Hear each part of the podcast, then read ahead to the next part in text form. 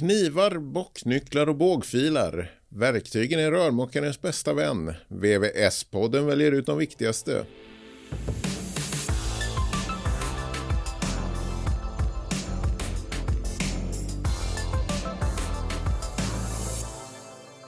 Rörmokarens bästa verktyg ska vi prata om i VVS-podden idag. Och jag som ställer frågorna heter Fredrik Karlsson och svaren ger Natalia Strandberg, ledande montör på Nytorps Rör och sidekick i VVS-podden. Välkommen Natalia! Tack så mycket! Har du en eh, stressig dag?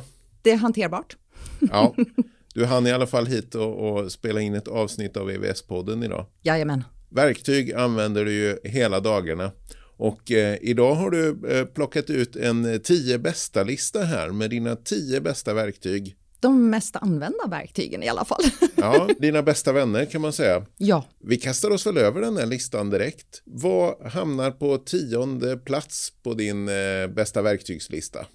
Ja, man kan ju säga morakniven fast jag har VVS-kniven och eh, det är ju för att den har en liten eh, rasp på sig. Så att när man ska grada av om man inte kan komma åt ordentligt så är den ypperlig att använda. Så det, det är en favorit som jag gärna har på.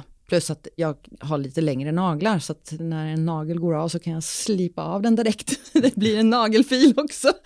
Okej, okay, kombinera nagelfil. ja.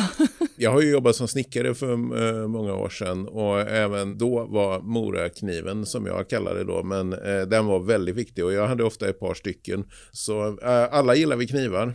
Ja, och knivar de slits ganska fort. Vi som rörmokare kanske använder kniven egentligen till nästan allt. Det är ju för att bända, det är för att eh, slipa till, det är för att fixa, trixa. Så att de blir ju slitna ganska fort och idag så slipar man inte själv om utan man köper bara en ny kniv. Jo, det är ju lite slit och släng där, men eh, ja, jag skulle vilja se den som står och det finns kanske några av våra lyssnare som står eh, och slipar sina knivar hemma. Ja, ja, ja. ja, ja, ja, det finns. Det har jag sprungit på några stycken på byggena där man undrar egentligen vad, vad är det där för kniv? Ja, men jag har slipat den. Så bara, men de är inte så dyra. Nej, men det, det, den är min. Jag har gjort den så som jag vill ha den. Vi kastar oss över till nionde plats. Vad hittar vi där? Det är min tumstock och min tumstock är felvänd för många. Jag har den så att den är kontakt så att när man lägger den mot så mäter den istället för att den blir böjd. En tumstock jag sprang över för ungefär 15 år sedan blir det väl säkert. Jag kan inte byta, jag mäter fel så fort jag lånar någon annans tumstock för att jag, jag är så van vid att min mäter direkt mot kontakt. Som plattsätta tumstock helt enkelt. En lite annorlunda variant alltså? Ja, det, Men jag får behålla den, för det är ingen som tycker om den. Nej, men det är ju bra. Det är bra. En eh, tumstock måste man ju ha. Det har man ju även i kökslådan, har, man säger jag, men jag har ju i alla fall en tumstock hemma i kökslådan som åker fram då och då. Det är bra att veta. Att mäta är att veta, var det någon som sa. Ja, och det konstiga är att eh, jag kan ha på mig en klänning om man är ute någonstans och det första jag gör när någon säger att måste mäta, kolla, det är ta och klappa mig på höger benficka som jag inte har på mig. Nej, nej vanans makt. Vanans makt. Du, Natalia, vad hamnar på åttonde plats på din lista? Det är, den heter tångnyckel, men det är Knipex eh, som är en blandning mellan skiftnyckel och polygrip speciellt för blandarfästen. Polygripen har ju tänder och då rispar den. Och skiftnyckeln den har lite för långa tänder, eller greppyta.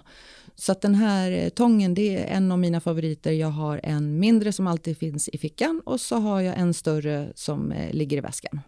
Ja men det förstår jag, det eh, var ju bra att ha, det hade inte jag tänkt på. Men eh, intressant, tångnyckeln är viktig i din ficka. Ja. Jajamän. Ja, och vad har du på sjunde plats då? 13, 10 och 8 fasta nycklar med spärr.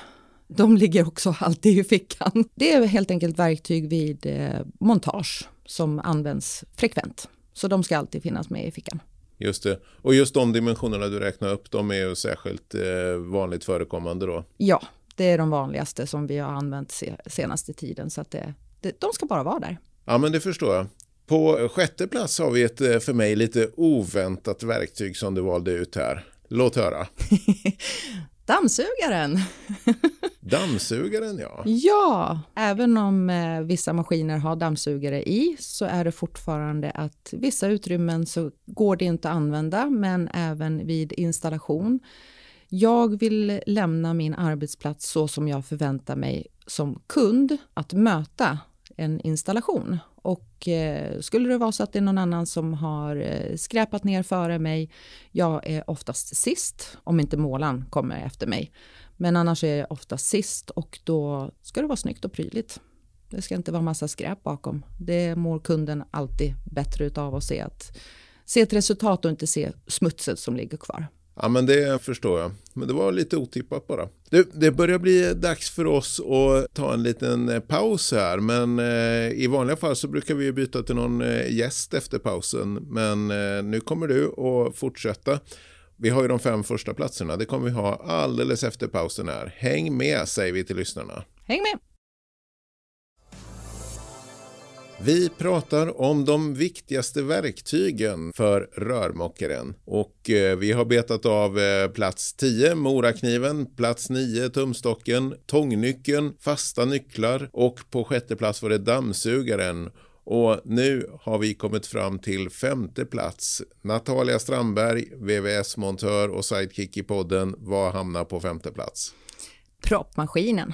Den eh, hjälper till med allt från små hål till större, bila upp lite extra. Jag är inte en sån människa som eh, kommer till en arbetsplats och ser att det är för lite bilat och bara nej, jag tänker inte göra om det är bara lite putsning som behöver göras. Hålet behöver bli lite större, någon kant står i vägen. Så proppmaskinen är alltid med mig. Ja, den är viktig att ha. Eh, jag vet till exempel när det är golvbrunn och så, då är det viktigt att det får plats ordentligt. Är det sådana lägen eller är det? Ja, precis. Det är, oftast så har de en bild, men när man väl har satt ihop delarna så visar det sig att man, det är en centimeter kanske eller två centimeter extra som behöver eller röret kommer inte ordentligt i fall. Ja, men oftast så är, räcker ju våran lilla proppmaskin som vi ändå använder för att bila upp de grejerna istället för att man måste vänta på att eh, rivare kommer eller ja. Vad hamnar på fjärde plats på din lista? Då har vi skruvdragaren. Skruvdragaren ja. ja. Det är ju även, den ligger ju nära till hans hemma hos mig också. Men mm. även för dig som rörmokare är skruvdragaren viktig. I vilka lägen är den allra viktigast? Um, jag använder den nog ganska så mycket. När proppmaskinen är för stor, då är det skruvdragaren. Det är både att fästa, det är att borra, det är att slipa, det är att jämna ut. Så den används flitigt. Eh, livslängderna på skruvdragarna är ju inte så lång för oss som använder det flera timmar om dagen. Är det bara batteridriven som gäller nu för tiden eller? Ja, det är batteridrivet, tyvärr. Eller tyvärr ska jag väl inte säga, men ja, det är batteridrivet.